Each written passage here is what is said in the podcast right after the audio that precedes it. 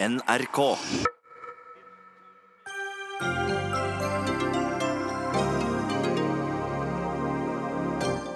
En ny teateroppsetning kobler profilerte Frp-politikere til rasistiske nettverk i Norge.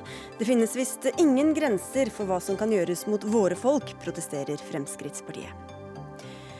Han var fylkesmann, statsråd, stortingsrepresentant. I dag ble Svein Ludvigsen tiltalt for å ha forgrepet seg på tre asylsøkere. Kan bli et av de dypeste fallene i norsk samfunnsliv noensinne, mener Nordlys-kommentator. Blinde mennesker må til fastlegen for å bevise at de fortsatt er blinde. Et lite helsepass kan gjøre hverdagen lettere for mange, mener Arbeiderpartiet. Høyre ønsker å forenkle, men ikke på den måten. Og et vedtak om at alle framtidige fiskeoppdrettsanlegg må være lukket eller på land, har skapt full politisk splid i Tromsø.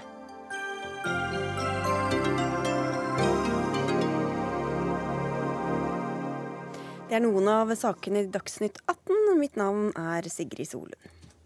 Et nytt teaterstykke på Black Box Teater i Oslo ville vise hvordan nettverk i det norske samfunnet støtter opp under en framvoksende rasisme, men møtte kritikk etter forrige ukes premiere. Annet for ett element i forestillinga, nemlig et, eh, en visning av filmklipp hvor publikum får se fasaden av hus der det bor mennesker som er omtalt i stykket. Deriblant eh, Nato-sjef Jens Stoltenberg, investor Øystein Streisbetalen og stortingsrepresentant for Frp Christian Tybring-Gjedde, blant andre. Det skriver Aftenposten. Og før vi tar tak i akkurat disse klippene, regissør Pia Maria Roll, hva var det dere ville med denne forestillinga Ways of Seeing? Uh, nei, aller først så vil jeg bare si at jeg tror at uh, Morten Wold også utmerket godt vet at når vi går ut av dette studio, så er det ikke han som er mest uh, plausibel på å få trusler. Det, det, jo, men jeg vil bare si det. Det er meg, og det håper jeg vi kan komme tilbake til. Det som vi ville, var jo noe som er direkte egentlig sammenkoblet med dette her. Vi ville jobbe med å prøve å vise sammenhenger mellom den framvoksende rasismen som jeg tror vi alle, i hvert fall mange, Eh, opplever som enormt truende, og den norske forsvarspolitikken. Og hvordan man har arbeidet med å på en måte få befolkningen til å akseptere at Norge er med på å bedrive utøve ekstrem vold mot eh, befolkningen i Midtøsten, som primært er muslimer. For å legitimere dette her, så, så er rasisme eller islamofobi, muslimhat, et imperativ, rett og slett. Og dette muslimhatet flyttes hjem på norsk, eh, til, altså til Norge eller til Europa, også i USA, selvfølgelig, se på Trump osv. Um, ehm, så det, det, er på en måte utgangspunktet. Og så har vi da prøvd uh, å kartlegge eller prøve å forstå hvordan disse uh, nettverkene som har interesse av dette, fungerer i Norge. Hvor Fremskrittspartiet er den fremste på en måte, propagandisten for disse ideene. Eh, så vi har vært der, vi har undersøkt det. Så er det Resett og Human Rights Service som på en måte er mediekanalene som de benytter seg av og bruker veldig aktivt. Dette har sammenheng med kommentarfeltene, som er da dette som skaper så mye trusler. Um, og så er det hvem har penger til å tjene på dette, eller hvem, hvem, er det som investerer i det? Som da investerer og sponser disse nettstedene. Ok, vi skal bare, Før vi gir ordet til Morten Wold, som du allerede har halvveis mhm. introdusert, så skal vi bare ta tak i disse klippene. Altså, fordi det, Dere tar jo tak i da navngitte mennesker, jeg nevnte tre av dem, og mhm. viser husene de bor i. Hvorfor gjør dere det?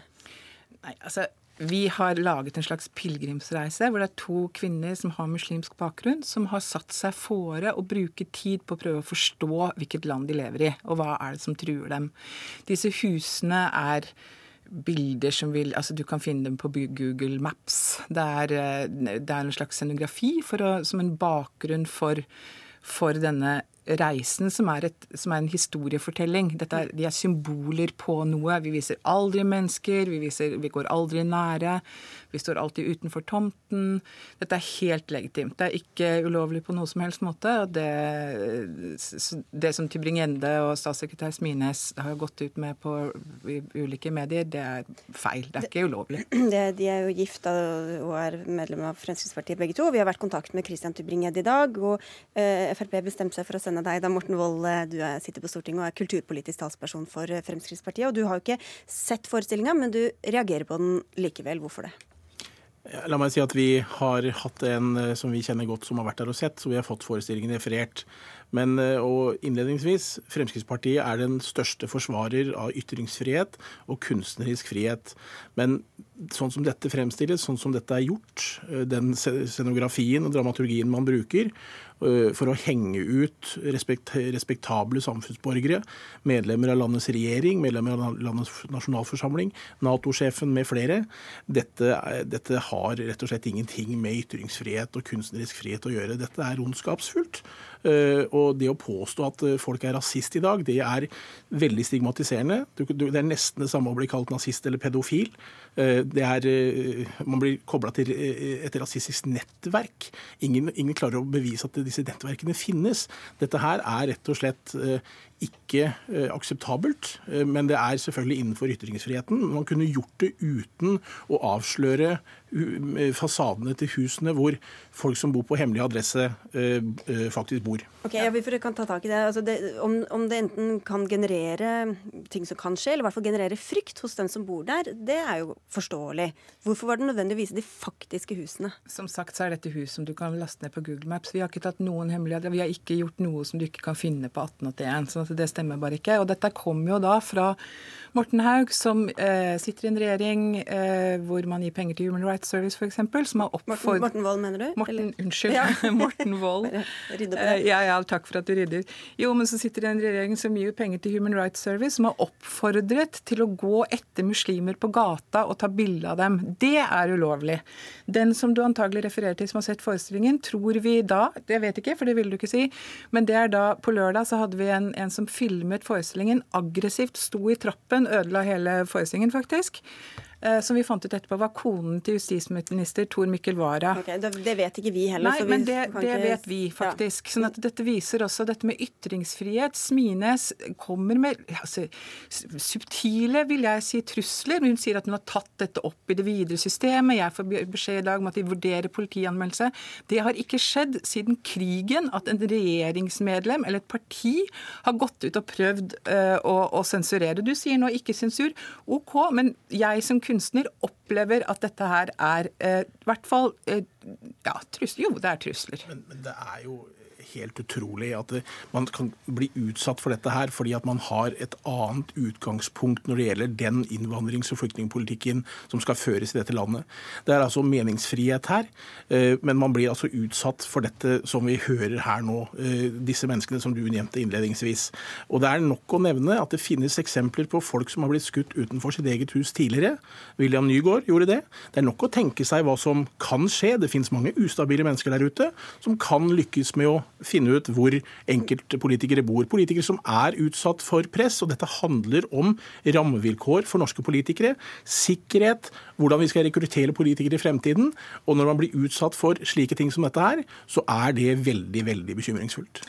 Ja, det er utmerket at du tar opp det, syns jeg. Fordi det som en av de tingene som, jeg, som, vi har forstått da i løpet av den tida som vi har holdt på, det er i hvilken grad dere spiller opp mot disse kommentarfeltene på Human Rights Service og Resett primært. Også dokument.no, men det er ikke så direkte koblet. ingen av dem er her heller, så vi får beholde Nei, litt men sånn jeg, jeg, eh, blir jo utsatt for det, så jeg må få lov til å uttale meg om det.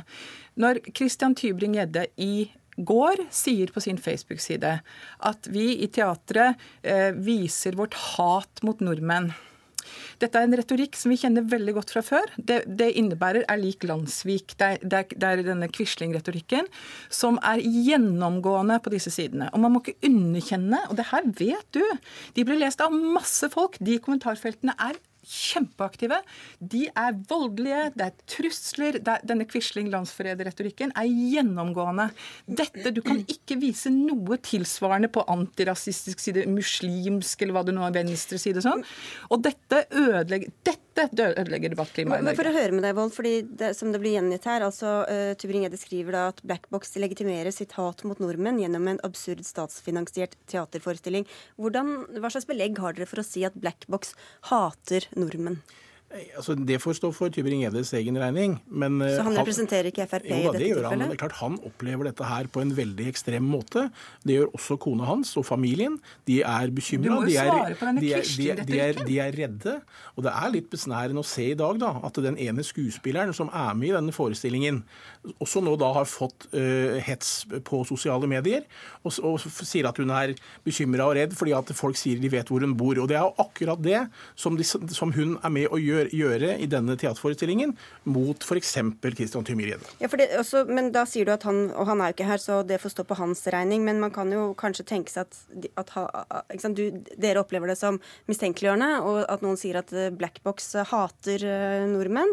Og samtidig så har dere en forestilling hvor dere skal avdekke rasisme og folk som har interesse av å, at det blir mer rasisme i Norge. Så hva gjør det med samfunnsdebatten at dere da indirekte sier at her, disse menneskene er rasister og vil tjene på det. Nei, men det er klart at Grunnen til at Tybring-Gjedde og Smines og disse andre og du er så opprørt over dette her, det er jo ikke fordi vi har vist de husene. Det er jo ikke det. det er fordi husene er tilgjengelige, de adressene er tilgjengelige. Men nå tenkte jeg på Nei, men nå, la meg avslutte.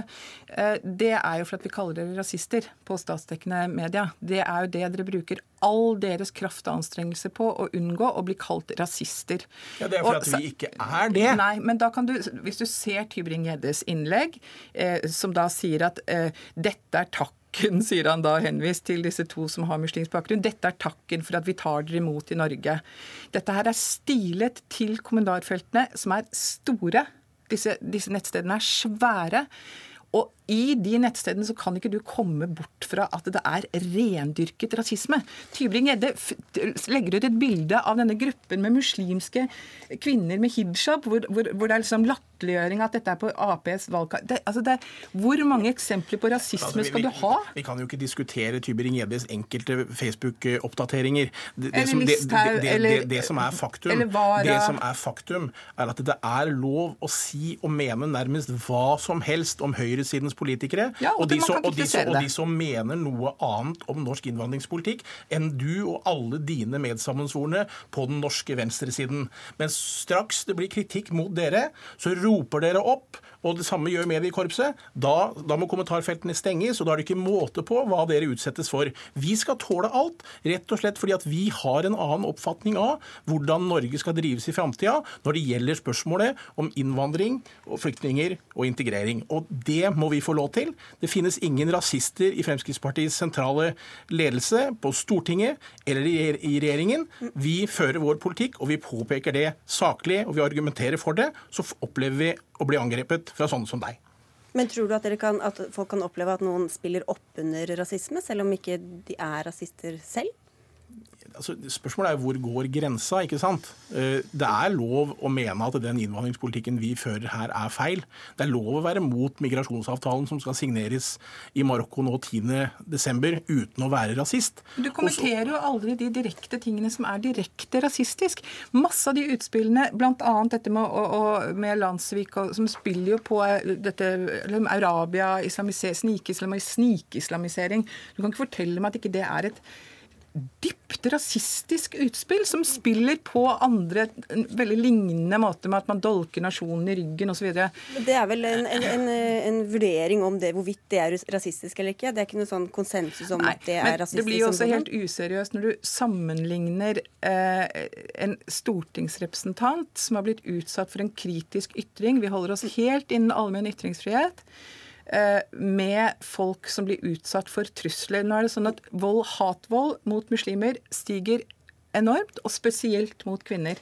At du ikke tar det på alvor overhodet i denne diskusjonen. Jo, men det gjør vi. Ja, helt kort avslutningsvis da, Morten Wold, for nå går tida fort her.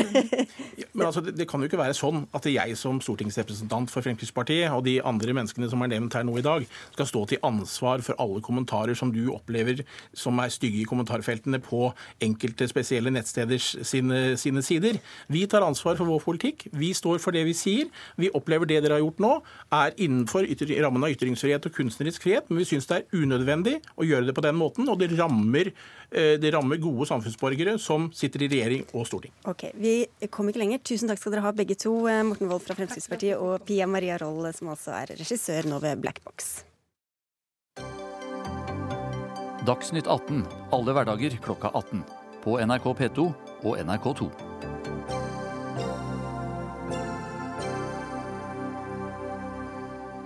I dag ble tidligere stortingsrepresentant for Høyre, fiskeriminister og fylkesmann i Troms Svein Ludvigsen tiltalt for å ha misbrukt stillinga si. Ifølge tiltalen har han skaffet seg seksuell omgang med tre asylsøkere, bl.a. gjennom å få dem til å tro at han kunne skaffe mennene bolig og varig opphold i Norge. Overgrepene skal ha skjedd i den perioden Ludvigsen var fylkesmann i Troms. Og Skjalg Fjellheim, politisk redaktør i den Tromsø-baserte avisa Nordlys, hvordan har de lokale reaksjonene vært på tiltalen? Jeg tror nok uh, mange har, uh, har, jo visst at uh, denne siktelsen som ble utferdiga for litt under et år siden, har dreid seg om Svein Ludvigsen.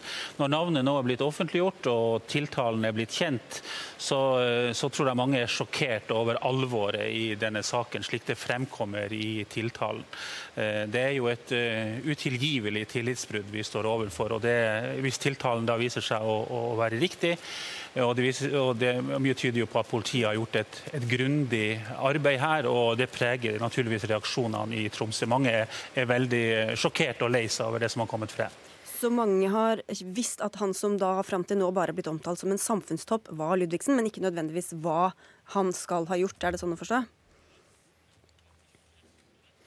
Ja, jeg tror det, det, har nok øh, vært en, en, en, fornemmelse av hva denne saken, hva kjerna i denne saken har vært, selv om, han, om navnet ikke har vært offentliggjort. Og når, når, når, innholdet i tiltalen har blitt kjent, så er det klart at, at det, det, det, setter dype spor. Og, og, og dette er jo snakk om en et sentralt samfunnsmenneske og, og, og sentral høyrepolitiker gjennom mange mange tiår, som da skal ha begått uh, disse handlingene. Samtidig så tror jeg mange uh, syns det er en, ja, en slags Eller er letta over at det, det, viser seg at også mennesker med mye makt kan bli innhenta av loven og, og satt under tiltale for alvorlige lovbrudd. Anne Kjever, eh, kommentator i VG, du skriver i dag at dette må være den groveste anklagen som er rettet mot en høytstående embetsmann i fredstid. Det er også ganske store ord? Ja, og det er jo altså jeg synes det, er, det er vanskelig å finne saker som er sammenlignbare. Eh, det er klart du har spionasjesaker, du har grov utroskap, men avstanden mellom Ludvigsens posisjon, altså blant de aller fremste tillitsvalgte, stortingsrepresentant, statsråd, fylkesmann, og til disse asylsøkerne, som altså er de svakeste menneskene i det norske samfunnet antagelig, den er så stor, og da er tillitsbruddet så stort at jeg mener at jeg, jeg kan i hvert fall ikke komme på noe tilsvarende. For yngre lyttere, hvis vi har noen av dem som kanskje ikke kjenner Svein Ludvigsen så godt, forklar litt om hans posisjon og hvordan, altså, hvor mye tillit han har opparbeida seg. Ja, altså, han, er, eh, han, har kommet så langt man kan komme i det offentlige Norge når det, når det, gjelder tillit. Han har fått eh, tillit fra det lokale partiapparatet sitt i sin tid til å bli valgt inn på Stortinget. Han har var vel formann i næringskomiteen. Han ble plukket ut til å sitte i Bondeviks eh, andre regjering som fiskeriminister. En av de viktigste postene i en, i en norsk regjering. Og etter det så har han altså da blitt fylkesmann, som er en av de mest ettertraktede stillingene for eh, tidligere eh, toppolitikere. Og jeg tror at kanskje noe av det som også gjør at denne saken, til tross for at det har gått rykter sånn, til et sånt sjokk, det er jo også noe med vurderingsevnen til en mann av et sånt uh, kaliber. Altså en så totalt mangel på sviktende vurderingsevne er, hvis denne tiltalen stemmer, uh, noe som nesten liksom er vanskelig, har vært tror jeg, for mange vanskelig å tro, fordi, fordi uh, tiltalen er såpass grov. For han har vært en sentral figur i, i Tromsø og i nord Fjellheim, også etter at han gikk av som fiskeriminister og nytt stor tillit der? Ja, absolutt. Eh, han har eh, nytt stor, veldig stor tillit. Og han har jo også, etter at han gikk av som fylkesmann for eh, to år siden, to eller tre år siden, unnskyld, så har han jo vært en person som har, i kraft av sitt store nettverk også nasjonalt og inn i nasjonale beslutningssystemer, vært en person mange har henvendt seg til for å få gode råd om hvordan, man kan, hvordan veien til politisk innflytelse nasjonalt er. Så klart at Han har vært en betrodd mann med et enormt nettverk over hele Norge. Senest for ja, kort tid siden så satt han i et ekspertutvalg som utreda nye oppgaver til, i forbindelse med regionreformen. Så Det viser jo at, at, han har hatt tillit helt på toppen av det politiske Norge eh, inntil nylig. Så dette er jo et, et dypt fall, kanskje det dypeste fallet i norsk politisk historie. Jon Ole Martinsen, du er seniorrådgiver i Norsk organisasjon for asylsøkere. Disse tre som han er tiltalt eh, for å ha utnyttet eller forgrepet seg på, var altså asylsøkere. Og dere sier til VG i dag at det har vært en vekker. Hvordan har du det? Altså, det bør være en vekker for norske politikere nå til å sikre bedre vern av enslige mindreårige asylsøkere. Det er jo et totalt tillitsbrudd her, som det er snakk om hvis det skulle være tilfellet. Altså, som fylkesmann så er du jo også da ansvarlig for de som skal ivareta barnets, eh, barnets behov. altså Dvs. Si representantene, vergene til disse enslige mindreårige asylsøkerne. Eh, enslige mindreårige asylsøkere i dag er kanskje den mest sårbare, utsatte gruppen eh, som vi har i Norge av barn. De, har, de er aleine. Altså, de har ingen familie i Norge. De kjenner ikke samfunnet vårt. De vet ikke hvordan eh, man skal agere, eller hvem man skal ta kontakt med nødvendigvis når man opplever en slik situasjon. Derfor er det så viktig at man allerede fra ankomst nå ser på mulighetene. Hvordan ivaretar vi disse barna bedre? Hvordan sikrer vi at slike overgrep skal finne sted?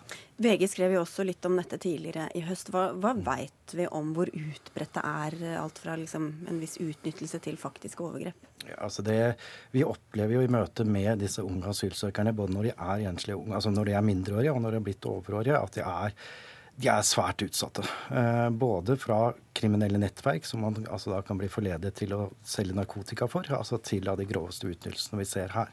Eh, det er jo nettopp derfor akkurat fra starten av at man nå også må sikre disse barna bedre. Det må begynne på mottaket, og nå er de mellom 15 og 18 år. De er utenfor barnevernet. De må inn under barnevernet. Sikre at man der, helt derfra klarer å etablere en tillit til eh, storsamfunnet, tillit til voksne i Norge, som gjør at man da vil kunne på et tidlig tidspunkt si fra. Vite at man har disse her trygge relasjonene som gjør eh, at dette her ikke finner sted. Sjag Fjellheim, det skal ha pågått altså overgrep på fylkeshuset i Tromsø bl.a. Er det sånn at folk spør seg om ingen andre kan ha visst om det som har skjedd? Ja, naturligvis. Disse spørsmålene vil jo bli stilt. Hvordan kan dette ha foregått uten at noen har, eh, har, visst? Og Det som jo er spesielt med denne saken, er jo at eh, Ludvigsen har, eh, har profilert seg som en person som har hatt et sterkt ønske om å hjelpe enslige, unge enslige asylsøkere til å bli integrert i Norge. Og Det gjør jo dette tillitsbruddet enda, enda større. Dere snakker jo om tillit. Ja, tillit alle sammen. At han nettopp har hatt, ja. at han nettopp, at han nettopp har hatt det. Nei, full, fullfør du. Unnskyld, jeg beklager. Nei, vi er litt, litt Nei, altså, altså det, det, at han i, ja, det at han i manges øyne har uh, vært svært opptatt av de svakeste i samfunnet, og da uh, blir tiltalt for denne type forhold, denne, denne type grove tillitsbrudd, det, det, gjør jo at mange blir, blir svært sjokkert over, over det som har kommet frem tillit, altså Anne Skjever, eh, som dere alle snakker om her. Hva kan det gjøre med tilliten til eh, Vi er jo et samfunn som, som sier at vi, vi, vi, har stor tillit til hverandre. Hva kan det gjøre med tilliten til politikere eller andre samfunnstopper, sånne type saker?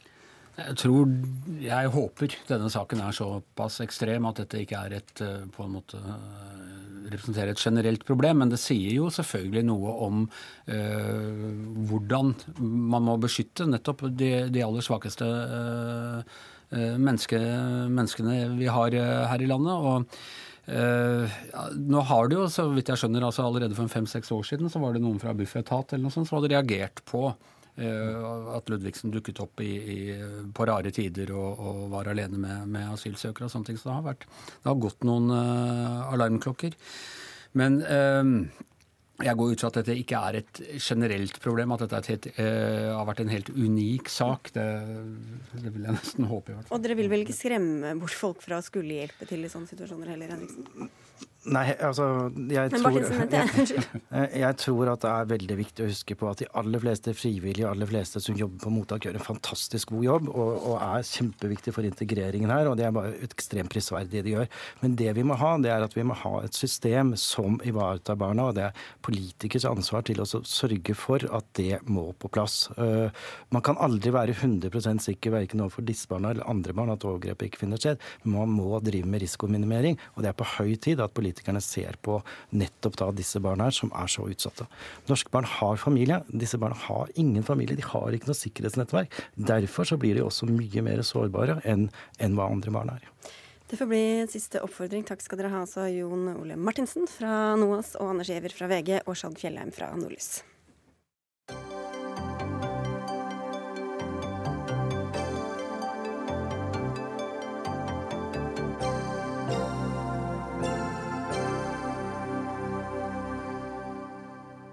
Er du født blind, med Downs syndrom eller uten bein, er det jo liten grunn til å tro at dette er noe som kommer til å endre seg gjennom livet. Likevel må mange med slike permanente funksjonsnedsettelser eller tilstander stadig bevise at de har nettopp det. Systemet krever nemlig legeattester hvis noen trenger en spesiell datamaskin til eksamen eller andre hjelpemidler. Kristin Berg, du er blind selv og har snakket om dette problemet i VG. Fortell først hvilke sammenhenger er det du må få nye attester og stadig bevise bevise at du faktisk er blind? Ja, jeg kan jo gi ett eksempel som jeg akkurat har eh, opplevd. Fordi jeg tar et fag på mm, Oslo OsloMet. Um, og der har de en digital dataløsning som ikke fungerer for meg. Dvs. Si at ikke jeg kan lese det som står på skjermen. Og da måtte jeg søke om å få bruke egen PC og søke om tilrettelagt eksamen. Um, og det, da krever skolen at jeg dokumenterer at jeg er blind. Og det har jeg full forståelse for at de må ha. Og når jeg da kontakter mitt legesenter og spør om å få en erklæring på at jeg ikke ser, kun det, så fikk jeg beskjed om at da må jeg møte opp. Og det er et legesenter jeg har brukt i over 20 år. Og jeg syns at jeg må kunne forvente å få ut en legeerklæring som kun sier at jeg er blind, mm. uten personlig fremmøte. Og dette er noe du må gjøre med jevne eller ujevne mellomrom? Det er det. Mm. Hvordan eh, oppleves det for deg og andre i din situasjon å, å måtte gå gjennom den mølla da, gang på gang? Ja, For det første ble jeg møtt veldig med sånn Ja, jeg visste nok om legen kunne gjøre det. Altså en veldig, sånn, veldig lite hyggelig måte å bli møtt på eh, fra sentralbordet. Og jeg tenker jeg er frisk. Jeg, jeg er i jeg, jeg har en god helse og er frisk og har det bra. Men når jeg blir møtt på den måten, så føler jeg meg som en sånn belastning som kommer og krever noe som er helt ufyselig og langt over streken å spørre om omtrent, for å overdrive litt. Uh, og når jeg da ikke får det og ikke kan få svar på det, så føler jeg at uh, altså, Egentlig så blir jeg heldigvis litt irritert. Fordi jeg har energi til å bli det nå, men jeg tenker hvis man er syk og kanskje ikke har forholdt Jeg har forholdt meg til hjelpeapparatet i mange år hvis man er ny i det systemet og blir møtt på den måten, så, så gjør man føler veldig på sånn avmakt. Og jeg ønsker å være en forbruker når jeg henvender meg til min lege og tenker at jeg har noen rettigheter som kunde. Og det er det jeg kanskje tenker at den opplysningen ligger der i journalen. Det burde være klikk-klikk å få ut det uten at jeg skal bruke arbeidstid, reisetid og masse energi. For det er mange små ting i hverdagen som jeg må bruke ekstra tid på. Mm. Og dette gjelder jo mange flere enn bare blinde, og det gjelder jo foreldre som må søke om hjelp til barna sine som kan ha funksjonsnedsettelser eller være veldig syke osv. Eh, Hadia Tajik, eh, nestleder og stortingsrepresentant i Arbeiderpartiet, dere kommer da samtidig med et forslag til folk som er i, i samme situasjon, et helsepass Hva er det for noe? Altså, det med UDITE det er bare å lage en universell dokumentasjon når du har en varig funksjonsnedsettelse eller en kronisk tilstand som rett og slett ikke går over. F.eks. hvis du har måttet amputere et bein, så vokser ikke det beinet plutselig ut igjen. Altså, det, er en, det er en tilstand som, som, du har, og som det kan kreve noe tilpassing eh, for. Og når Kristin tok kontakt og fortalte om sin situasjon, eh, så eh, må jeg innrømme at bare var jeg, jeg bare, altså, Når jeg leste mailen og henvendelsen fra henne, jeg bare tenkte dette må vi jo gjøre noe med. Det er et åpenbart eksempel på at eh, systemet ikke funker til det beste for den enkelte. Eh, og det gjør jo inntrykk når Kristin forteller at, eh, at hun gjentatte ganger i løpet av et år er nødt til å dokumentere igjen og igjen at hun fortsatt er blind. Og dette må det jo kunne gå an å forenkle. Derfor foreslår vi det. Ja, Og hva er da dette helsepasset, hvordan skal det fungere? Nei, Det skal bare fungere sånn at eh, hvis du har en varig funksjonsnedsettelse eller en varig tilstand, så skal du ha en medisinsk dokumentasjon på det, altså en, en sånn universell dokumentasjon, som bare slår det fast, sånn at du slipper å gå til fastlegen din for å få ny dokumentasjon igjen og igjen mm. på at du fortsatt fortsatt har den samme funksjonsnedsettelsen. Det er så enkelt og så vanskelig. Ja. Heidi Nordby Lunde, stortingsrepresentant fra Høyre. Et forslag som da så forenkler, avbyråkratiserer. Det høres ut som det bare kaster seg på. Ja, altså Langt på vei så, er vi gjennom problemstillingen uh, her. Og det høres jo helt idiotisk ut for den, uh, den jevne lytter, vil jeg anta, at man må dokumentere hvorvidt man har en funksjonsnedsettelse som alle skjønner at er varig, som f.eks. det å være blind, eller som en, en bekjent av meg som har amputert begge bena. Og Han blir jo provosert av at han må møte opp hvert femte år for å bevise for Nav, føler han, at de bena her vokser jo ikke ut igjen. Men det som er litt trist, er jo at dette her er jo egentlig ment å være et tilbud om hjelp eh, til å få tilrettelegging og oppfylling av faktiske krav. Så jeg tror det er to ting vi skal skille litt fra hverandre. Det ene er det Kristin Berg eh, opplever og etterlyser, nemlig en veldig forenklet måte å kunne bekrefte en varig tilstand på uten å måtte gå innom fastlegen sin, som burde være godt kjent med eh, at hun er blind. Og dette ligger jo i pasientjournalen i utgangspunktet og burde være lett å kunne videresende. Så jeg syns kanskje det med helsepass høres litt gammeldags ut og litt unødvendig. At vi her kan heller gjøre ting i eksisterende systemer. Hva da? Ja, altså nettopp det at man åpner for at den delen av pasientjournalen som er åpen for, for pasienten, også kan videresendes eller deles på en eller annen altså at, måte. At, at legene ikke er så vrange, da? Eller hvor er, hvem er ja, det Dette her skal jo pasienten kunne ha tilgang på, på selv. Vi har jo eh, pasientjournal for eh, oss selv. Og det at jeg villig deler vekk eh, mine egne data, burde jo være en, en, sak mellom meg og de som eventuelt måtte ha behov for det. Men da må vi utvikle de tjenestene på en sånn måte at de som skal ha det, får det på en trygg og sikker måte, uten at det går utover personvernet. Ja, Samtidig så skal jo det være en kontrollfunksjon her også, da. At man skal ikke bare kunne liksom si jeg er blind, eller hva det er for noe, og så jeg ja, vet ikke hvem som skulle ønske det, men at liksom for å få en eller annen hjelp eller noe, et eller annet ja, man har lyst på. Og der tror jeg vi er enige om det utredelseskravet, nemlig det at når du har blitt utredet én gang, så skal du slippe å gå gjennom den utredningen flere ganger. Men til tross for at du har en varig funksjonsnedsettelse, så kan det være at vi har fått ny teknologi, andre hjelpemidler, som kanskje, ut, altså som kanskje oppfyller behovet ditt bedre fem år senere enn du gjorde da du søkte. Og det som høres ut som en kontroll, er egentlig ment som et tilbud om bedre tilrettelegging. Altså, hvis det er sånn at den eneste uenigheten mellom meg og Heidi Nordby Lunde er om denne dokumentasjonen skal være fysisk eller elektronisk, så kan jeg avlyse den uh, uenigheten. Altså, det som er Poenget er at det skal være enkelt for folk når du har en varig funksjonsnedsettelse. Det skal òg gjøre det enklere for fastlegene, som er nødt til å dokumentere på ny og på ny at den funksjonsnedsettelsen fortsatt er der. Og ikke minst òg for det offentlige byråkratiet som må forholde seg til det.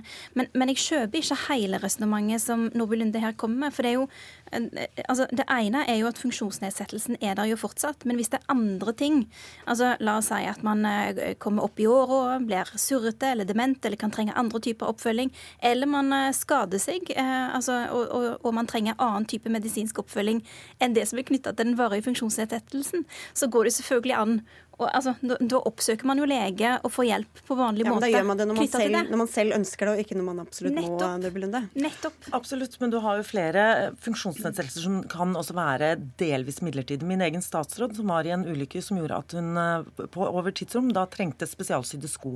Men etter tre operasjoner trenger hun ikke det lenger. Ja, da må hun dokumentere om hun har dette behovet lenger, som hun ikke har, og da bortfaller det kravet.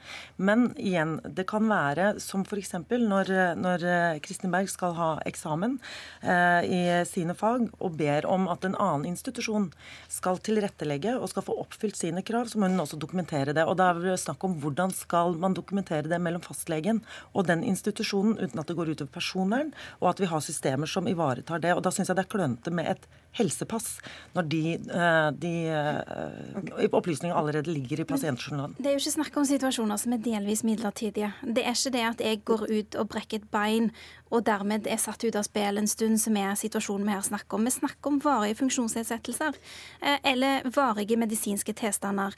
Altså, I dag er det nesten 4000 nordmenn som har Downs syndrom. 1000 av de er unger. Eh, altså Det er jo ikke sånn at det plutselig går over. Altså Man trenger en tilrettelegging knytta til den medisinske tilstanden uansett. Og at man da igjen og igjen skal måtte dokumentere den, det syns jeg er helt håpløst. Dette må vi bare fikse. Få høre med deg, Kristin Berg. Jeg vil jo tro at du har snakka med andre i samme situasjon også, som er like frustrert som deg, eh, kanskje. Eh, hva, hva slags løsninger mener du hadde vært gode på for, for å slippe, opp, slippe å skulle drive og henvende seg til fastlegen hele tiden? Jeg eh, sitter ikke med en sånn klar løsning på hvordan sånn, altså at det skal være et sånn og sånn dokument eller stå der og der. Men jeg vil ha, jeg vil ha en rettighet. På samme måte som jeg har eh, i pasientrettighetsloven, så har jeg noen rettigheter til å velge fritt sykehusvalg, f.eks. Jeg syns også jeg må kunne ha noen rettigheter. Jeg har rettighet til innsyn i min journal. Og jeg må også kunne ha noen rettigheter til å få ut opplysninger som ligger der, som jeg trenger i andre saker, som ikke er snakk om vurderinger i enkeltsaker, f.eks. andre medisinske forhold. Men at jeg kan få Rene rutineting, liksom? Rene rutineting. Og det må jeg kunne få ut på en enkel måte. Om det gjøres sånn eller slik, det, har, det må andre ta stilling til. Og det høres jo egentlig ut litt som dere er inne på sjøl, at dere er jo egentlig ganske enige. Så spørsmålet er hvorfor man ikke bare gjør noe med det, da? Det er vel fordi at eh, dersom dere i NRK skal ansette noen og trenger opplysning om vedkommendes helse for å kunne tilrettelegge arbeidsplassen pga. at vedkommende har en funksjonsnedsettelse, så er det ikke gitt at dere bare kan spørre om å få den digitalt eller på en, eller annen måte. Det må være et system som både ivaretar eh, eh, brukerens behov for personvern, men at brukeren selv kan bestemme over sine egne data og sende er, til men dere. Men Er dette noe dere har jobbet med, som dere har en løsning på trappen, eller er det sånn ikke, Nei, ja, vi, altså det er vi som har innført bl.a. elektronisk Statens pasientjournal og ser på hvordan vi kan bruke det på en effektiv eh, måte som mulig. Men igjen, det er de to ting vi snakker om her. Vi forstår jo også at du ikke, eh, Downs syndrom ikke går over, men i løpet av et livsløp så kan behovene ha endret seg. Og da skal vi ivareta det, og det kan kreve en ny dokumentasjon. Men så er det andre eh, måter å kunne dele pasientdata på, som Kristin Berg her er ute etter. Og da må vi se på hvordan vi kan få til det på en enkel og bedre måte enn vi gjør i dag. Det tror jeg vi er helt enige om. Arbeiderpartiet fremmer forslag nå om å bare fikse dette. Det mener jeg at man kan gjøre. Det vil spare samfunnet for millioner av kroner, for ikke å si milliarder, i utgifter. Det vil spare folk for tid, og det vil sikre folk mer verdighet. Men jeg tipper at dere ikke stemmer for Dere får dere komme med, en, med en, eh, en, løsning dere mener er bedre også. Takk skal dere ha for denne runden, i hvert fall. Hadia Tajik fra Arbeiderpartiet, Heidi Nordby Lunde fra Høyre og Kristin Berg.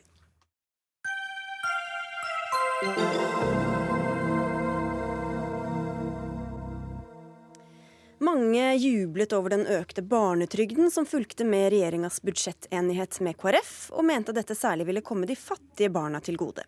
Men de aller fattigste barna i Norge får ingen glede av dette, mener SV. For i de fleste norske kommuner regnes barnetrygd som inntekt, og når inntekten går opp, går den kommunale sosialstønaden ned. Dermed nulles den økte barnetrygden ut. Ifølge Dagbladet er det snakk om 50 000 barn som går glipp av økt barnetrygd, fordi reglene er som de er.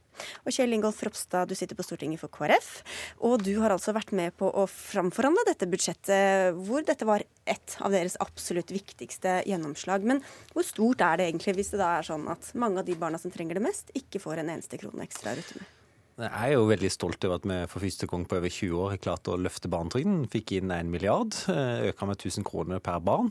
Eh, og Det betyr jo at det er veldig veldig mange barn som nyter godt av det tiltaket. Men eh, det er klart at vi skulle jo ønske at den nådde absolutt alle, og spesielt de som har lavest råd, eller dårligst råd. Det er jo mye derfor en òg ønsker å gjøre det. Så jeg skulle ønske at alle kommunene hadde regler som sikra at de òg fikk nyte godt av en, en økning. Så, men det har de jo ikke. De fleste har jo ikke det. Så da er du enig i situasjonsbeskrivelsen fra SV om at kanskje de aller fattigste får ikke se noe mer penger?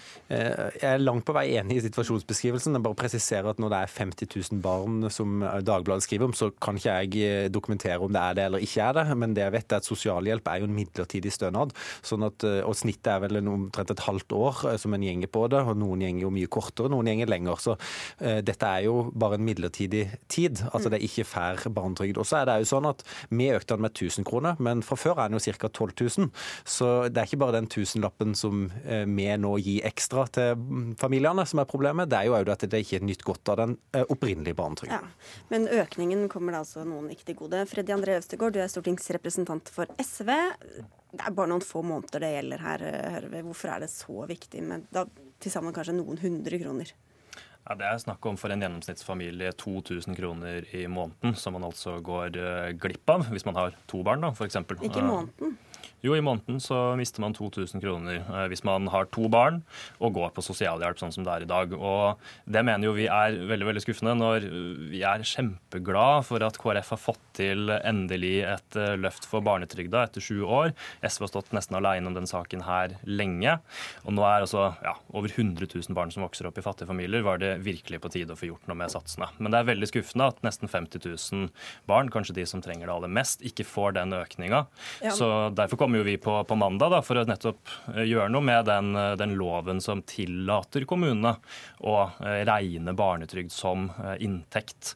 Derfor kommer vi på mandag til å fremme et, et lovforslag i finansdebatten om at kommunene ikke skal ha den muligheten lenger. Så da kan vi jo sette oss ned og gjøre noe med det allerede da. Og dette har jo dere egentlig programfestet selv, Kristelig Folkeparti, så hvor, hvorfor har dere gjort det?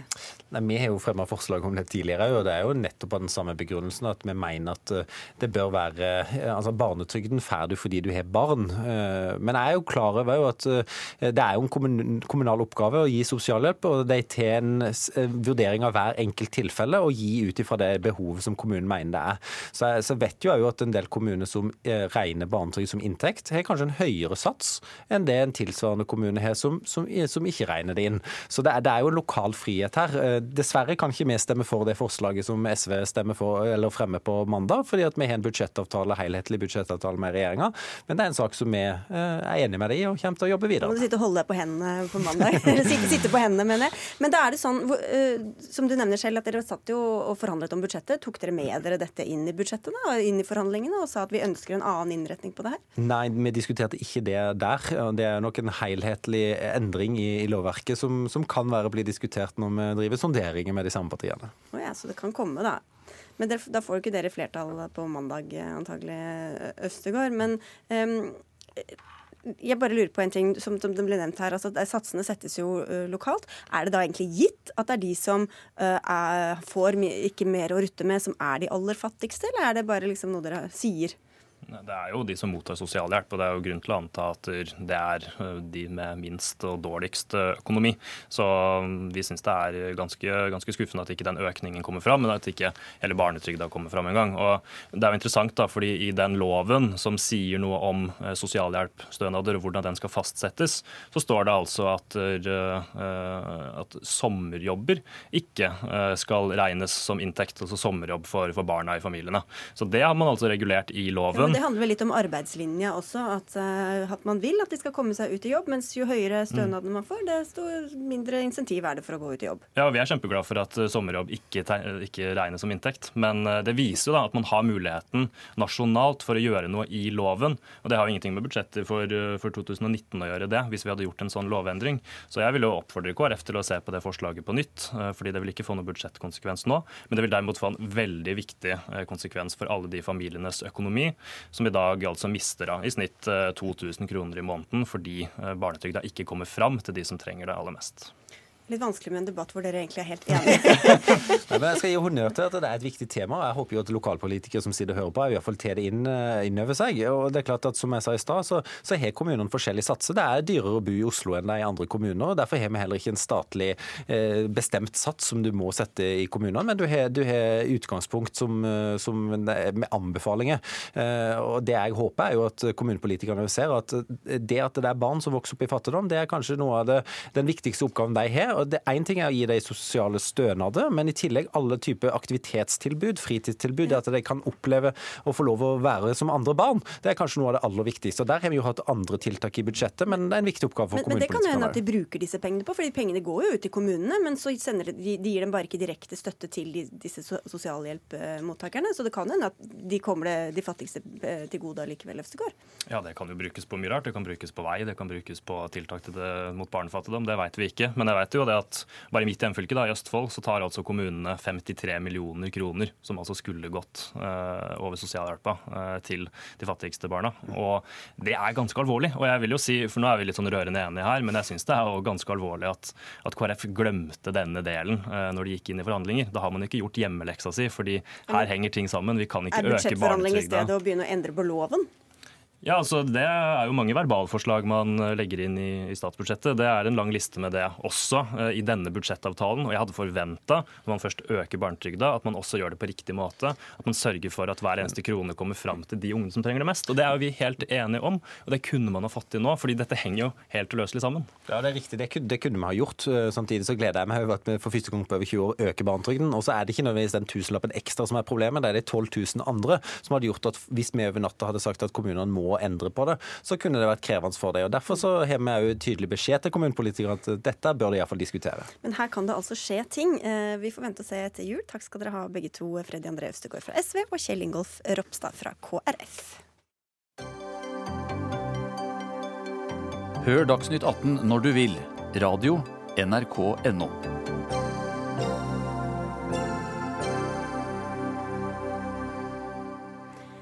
Tromsø er det full politisk strid etter at Miljøpartiet De Grønne nylig fikk flertall for et forslag om at alle fiskeoppdrettsanlegg i framtida må legges på land eller til lukkede anlegg til havs.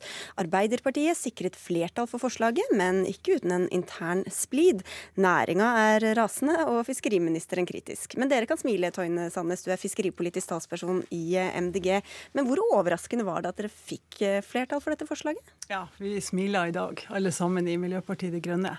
Eh, det var litt litt overraskende eh, at det kom nå, men veldig gledelig. Dette er jo noe som vi har stått på for og krevd lenge. Så at det nå har eh, blåst en vind over Tromsø, at det har snudd, og at vi har modige politikere som har gjort dette vedtaket, det er vi kjempestolt over. Men hva er det ved den nåværende eh, næringa eller, eller, disse anleggene i Tromsø som gjør, som gjør at dere mener det er nødvendig å endre så brutalt, holdt jeg på å si, eller drastisk. Ja, det gjelder jo ikke bare anleggene i Tromsø. Det gjelder jo de aller, aller fleste anlegg i hele landet, som i dag er åpne. Og det vil si at eh, avføring fra laks, eh, medisiner, eh, det man eh, har i disse merdene, kommer ut i havet. Eh, og det er det nå en eh, sånn som jeg oppfatter det, en bred oppfatning blant veldig mange i, eh, i, landet om at det her må vi nå få inn i eh, lukka anlegg. Og det kan være lukka anlegg på sjøen, eller det kan være lukka anlegg på land. Men nå må vi på en måte ta tak for å sørge for at næringa ikke skal få lov å forurense og bruke havet som en, en eh, søppelplass, sånn som noen mener. Det som kanskje var overraskende, var at Arbeiderpartiet stemte for eh, Jarle Overdebakke. Du er varaordfører i Tromsø for Arbeiderpartiet. Hvorfor valgte dere å støtte dette forslaget? Fordi vi anser at eh, det er på tide å se fremover. Og vi vedtok dette i forrige uke i kommunestyret i forbindelse med at vi vedtok en klima- og miljøplan. Og Den er bred og den er fremtidsrettet. Og i det bildet så hadde vi et punkt om oppdrett. Hvor vi ønsker på sikt at det skal være lukkede anlegg. Vel vitende om at teknologien er umoden, vel vitende om at dette kan oppfattes veldig radikalt. Det gledelige er jo at vi har fått veldig stor respons. Vi har satt i gang en debatt, ikke minst nasjonalt, om dette temaet. Så Arbeiderpartiet har i sin kjerne at vi vil utvikle næringsliv, vi vil utvikle et bærekraftig næringsliv, og vi vil utvikle, i samarbeid med næringen, havbruk som eh, tåler fremtidens krav til miljø. Men det vil ikke dere, ha denne nær sagt. Erlend Svartalbø, du er gruppeleder for Høyre i Tromsø. I hvert fall var dere mot dette, dette vedtaket. Hvorfor det? Nei, det er fordi vi mener det at når en skal utvikle eh, sjømatnæringa, så må det gjøres i samarbeid med næringa sjøl. Det Arbeiderpartiet, SV og Rødt og Miljøpartiet De Grønne i Troms har gjort, er å gå inn for én bestemt teknologi.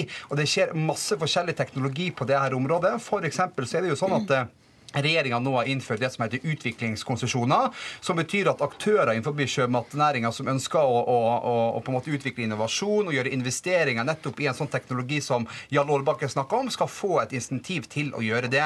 Så vi mener at det er feil at en skal i et kommunestyre gå for én enkelt teknologi. Vi må faktisk tørre å se litt bredere enn det vi gjør her. Eh, og så er det litt sånn spesielt fordi at det virker litt som at Arbeiderpartiet heller ikke tar den næringa på alvor når de gjør et sånt vedtak. Eh, Jens Stoltenberg sa jo det at eh, verdiene må skapes før de kan fordeles. og Det virker litt som at Jens Stoltenberg tok med seg det prinsippet når han reiste til Brussel. Eh, fordi at vi har ei sjømatnæring i Tromsø som stå for store arbeidsplasser, stå for store verdier. Eh, og Istedenfor å samarbeide med næringa om å utvikle teknologi, så velger heller Arbeiderpartiet da å gjøre et sånt vedtak der en i prinsippet da går imot næringa og velger å heller gjøre den type vedtak framfor samarbeid om ny teknologi og hvordan en skal få til bærekraftig vekst eh, framover. For næringa er ikke spesielt begeistra, Årbakke. Hva sier det deg, at de er Ja, såpass negative? næ- ja, næringen er eh, Noen er litt bastant. eh, Noen eh, tror at vi er mot. Det er vi overhodet ikke. Og det kan jeg da berolige Svardal Bøe med at det er vi ikke. Vi ønsker tvert imot å være med og stille noen eh, krav. eh, Som gjør at næringen kan strekke seg og utvikle seg. Og Det er jo historien om det norske samfunnet fra 1945. Og siden eh, Svardal Bøe trekker inn historien, så vil jeg dra den tilbake til NRG Gerhardsen 1945. At Arbeiderpartiet er og blir et industribyggende parti, og det er vi også i Tromsø. Nå er vi ikke i 1945, nå er vi i 2000, eh, 2018. Men du som trakk Men det er sånn at det er noen av de signalene som Arbeiderpartiet sender her, som er veldig skumle. For eksempel så har eh, Noyal, eh, Norway Royal Salomon ønska opp å, etablere et slakteri i Tromsø. De har nå vært ute og sagt, pga. det vedtaket til, eh, i kommunestyret fra Arbeiderpartiet, at de vurderer å droppe etablering av det slakteriet i Tromsø. Eh, Lærer Aurora, som har sitt hovedkontor i Tromsø, og måtte eh, roe ned sine ansatte, for en bekymra for sine arbeidsplasser. Så det her sender signal til næringslivet som ikke er bra. Og det her er altså en politikk som Arbeiderpartiet står i forsetet for i Tromsø, og det mener jeg er veldig feil. Vi, skal, vi, vi tar inn MDG her også, Sandnes. Ja. ja, for jeg må arrestere Høyre litt her. Jeg syns at det han bedriver her, det er skremselspropaganda. Nei, det er det altså ikke. Eh, jo, det er faktisk det. Fordi at eh, vi kan jo se på hva som har skjedd de siste årene. Vi har ei oppdrettsnæring som ønsker seg vekst. De ønsker ei femdobling av veksten. Eh, og de har eh, lite restriksjoner og har hatt det de siste årene. Og de presser på og de presser på og de presser på, men de får ikke vekst. Det har ikke vært vekst i denne næringa på mange år. Er det kanskje nå på tide å gjøre noe annet, og tenke innovativt, og slippe til de flinke folkene, og få til innovasjon som gjør at næringa sjøl får den veksten de ønsker. Eh, Jeg tipper at, jeg kan snakke for Miljøpartiet De Grønne, og jeg tipper det gjelder for Arbeiderpartiet. Vi er ikke, vi er ikke ute etter å ta livet av denne næringa. Vi er ute etter å hjelpe næringa til å bedrive innovasjon, sånn at de kommer inn på et spor som gjør at de blir bærekraftige og konkurransedyktige, og ikke ødelegger sitt eget jo- omdømme i fremtida. Med tanke Ja. på den historien og alle de problemene vi har vært gjennom, hvor lenge skal man bare sitte og, og liksom håpe at ny teknologi vil gjøre det bedre og, og få slutt på problemene? Ja, men først må jeg få lov til å si én ting. Nå sier det ikke er vekst i den næringa her. Det er helt feil. Eh, hvis vi bare ser på eksporttallene som Norge har på sjømatnæringa. Vi eksporterer nesten sjømat for nesten 90 milliarder kroner. Troms er det fylket som vi sitter i nå, som har mest innkjøp på over 2,3 milliarder kroner. Og så eh, sa jo jeg òg i starten at regjeringa nå har etablert utviklingskonsesjoner. Utviklingskonsesjoner som handler om å gi insentiv til aktører som ønsker å utvikle teknologi og gjøre grønne investeringer i den næringen. Jeg har ett eksempel på det. Next AS det er en bedrift på Vestlandet som nå har fått eh, noen utviklingskonsesjoner for å nettopp gå i retning av den teknologien. Men da kan jo ikke, hvis vi ønsker ny teknologi, så kan jo ikke Arbeiderpartiet, Miljøpartiet De Grønne sier vi at nå skal vi kun ha alltid lukka anlegg. Ja, og velge én. Det har Ja, dere vel. Det er basert bare å se på forslag og vedtaket. Da velger en én bestemt teknologi, og det er jo det som er feil her. En må jo tørre å være åpen for ulik åpen teknologiinnføring. Nå er det jeg som prater. Eh, Og eh, teknologi på andre områder. Ja, ja. Så, så jeg kan ikke velge én bestemt teknologi. Jeg må faktisk tørre å se litt bredere. Og de utviklingskonsesjonene er et veldig godt virkemiddel for å få til nettopp det. Okay, Sandnes. Ja, jeg, jeg, tror at han, Beck, men jeg tror at han Svartdal Bøe må gå hjem og lese seg opp. fordi at Det er helt korrekt at det er 90 milliarder i eh, eksportinntekter for denne næringa, men det er kommet av at eh, prisen på laks har gått opp. Hvor er veksten? Kan du fortelle meg hvor stor vekst næringa har hatt de siste fem årene i eh, biomasse? Du er fra Høyre. Jeg kan f.eks. ta tallet fra mitt fylke, Troms, Tromsø. Der har vi som jeg sa i sted, vi har flest innkjøp innen havbruk, over 2,3 milliarder kroner. Eh, Nofima lager en rapport der konklusjonen er at havbruksnæringa i mitt fylke er, har vokst betydelig både i sysselsetting og omsetning. Det er flere ulike rapporter som støtter. Ja, ja, Så jeg skal gjerne ser- gå hjem og gjøre hjemmeleksa heimeleksa mi, men da må jeg faktisk òg lese mange av disse rapportene som har kommet. Du kan jo ta fram statistikken som viser Norges eh, eh, altså økninger, eventuelle økninger i, Ja, eh, vi i om biomasse. Og biomasse på laks de siste årene, så vil Yes. du se at den har flata ut. Næringa klarer ikke å få vekst, og de trenger innovasjon. Og Vi skal ikke gjøre det her til sånn hokus pokus. Og det, og, fordi at det er jo folk i dag, og bedrifter i dag, som er i gang. Vi har nettopp eh, lest om et, eh, et strålende prosjekt på Andøya, like ved der jeg bor. De har satser bærekraftig, de skal drive med lukka teknologi, de skal være selvforsynt med energi, de skal ha vindmøller som skal sørge for energi eh, inn til anlegget. Så det skjer masse her. Og det Høyre gjør, de Ja, skaper skremsel, og de Nei, bremser, nei, og de snakker ned en næring som nei, bare okay. Men la meg spørre, jeg hvor mange jeg skal ha et spørsmål, altså, Sandnes. Hvor mange tror du vil legge anleggene sine til Tromsø når de bare kan gjøre det mye enklere, sånn som de alltid har gjort i, i andre kommuner? Jeg vil jo håpe at det her skal eh, at det at politikerne i Tromsø har tort å gjøre det her modige vedtaket, skal føre til at andre kommuner kommer etter. Og, og la, meg, la meg si det veldig veldig klart.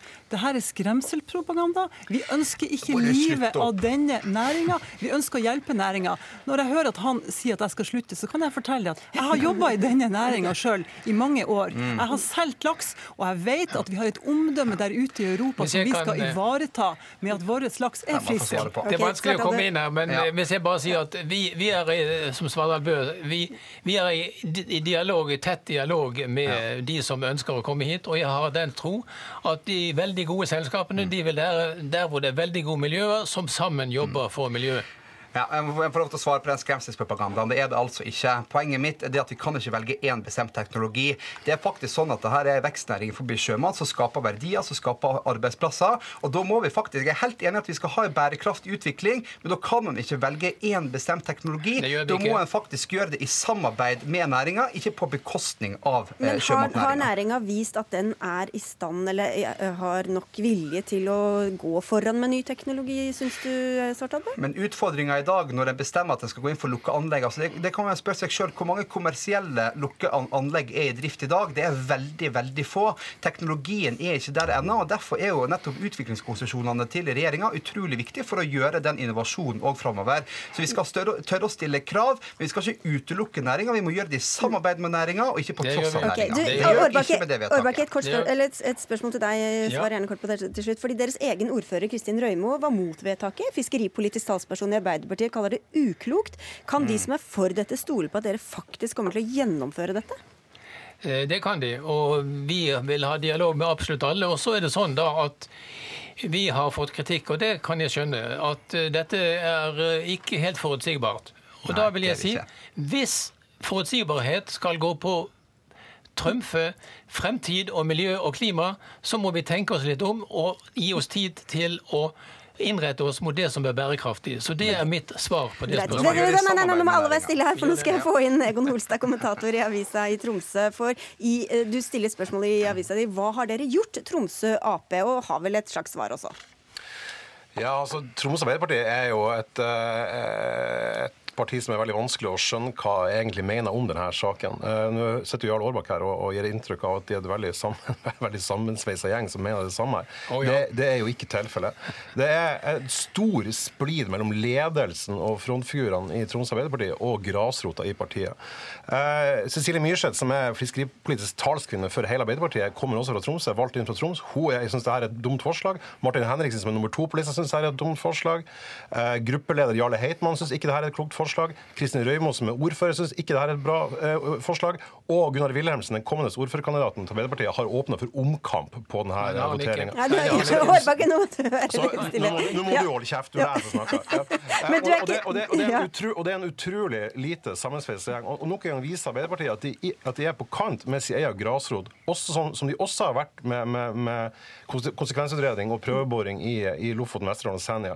Så de, de har virkelig en, en intern jobb å gjøre, for de er helt på kant med, med, med kystbefolkninga og med sin egen grasrot. Men så Eh, sier Årbakke, unnskyld at jeg avbryter, deg, at Ja. han sier at de har fått positive eh, tilbakemeldinger. Er det den gjengse oppfatninga i byen? Massevis. massevis. Ja, altså De positive tilbakemeldingene er, er jo fra primært miljøbevegelsen og fra de som syns, syns det her er et, et Nei, bra nei, nei. forslag. Eh, Ja, næ, næringa syns Her i Oslo pleier ikke debattantene å kommentere så mye når kommentatoren Vi ser ikke, vi ser ikke møtelederen. Eh, sånn, sånn er det. Eh, nei, altså, de, de er jo, de er jo veldig i tvil hva de faktisk syns om det her innad i Arbeiderpartiet. Det er det som er mitt poeng med den kommentaren jeg skrev. De, de vet egentlig ikke hva de, hva de, mener om saken. At Høyre støtter næringslivet og, og, og laksebaronene kyst, langs kysten i Norge, det er jo ikke noe nytt. og De, de, de fører en, en, en, politikk som, som er i hvert fall forutsigbar fra deres ståsted. Det samme kan man si om MDG, det samme kan man si om SV, det samme kan man si om Rødt. Hva Arbeiderpartiet mener om det her, det må vi nesten bli enige om. Det som er bra, er jo at den debatten her, eh, som vi sitter og har nå på, på riksdekkende radio og TV, er satt i gang av dette vedtaket. Det er et vedtak som nok eh, kommer til å bre seg nasjonalt. og det, Senest i dag hadde jo Dagbladet på lederplass en, en, leder om at dette er en debatt som er kommet på, på nasjonalt plan for å bli.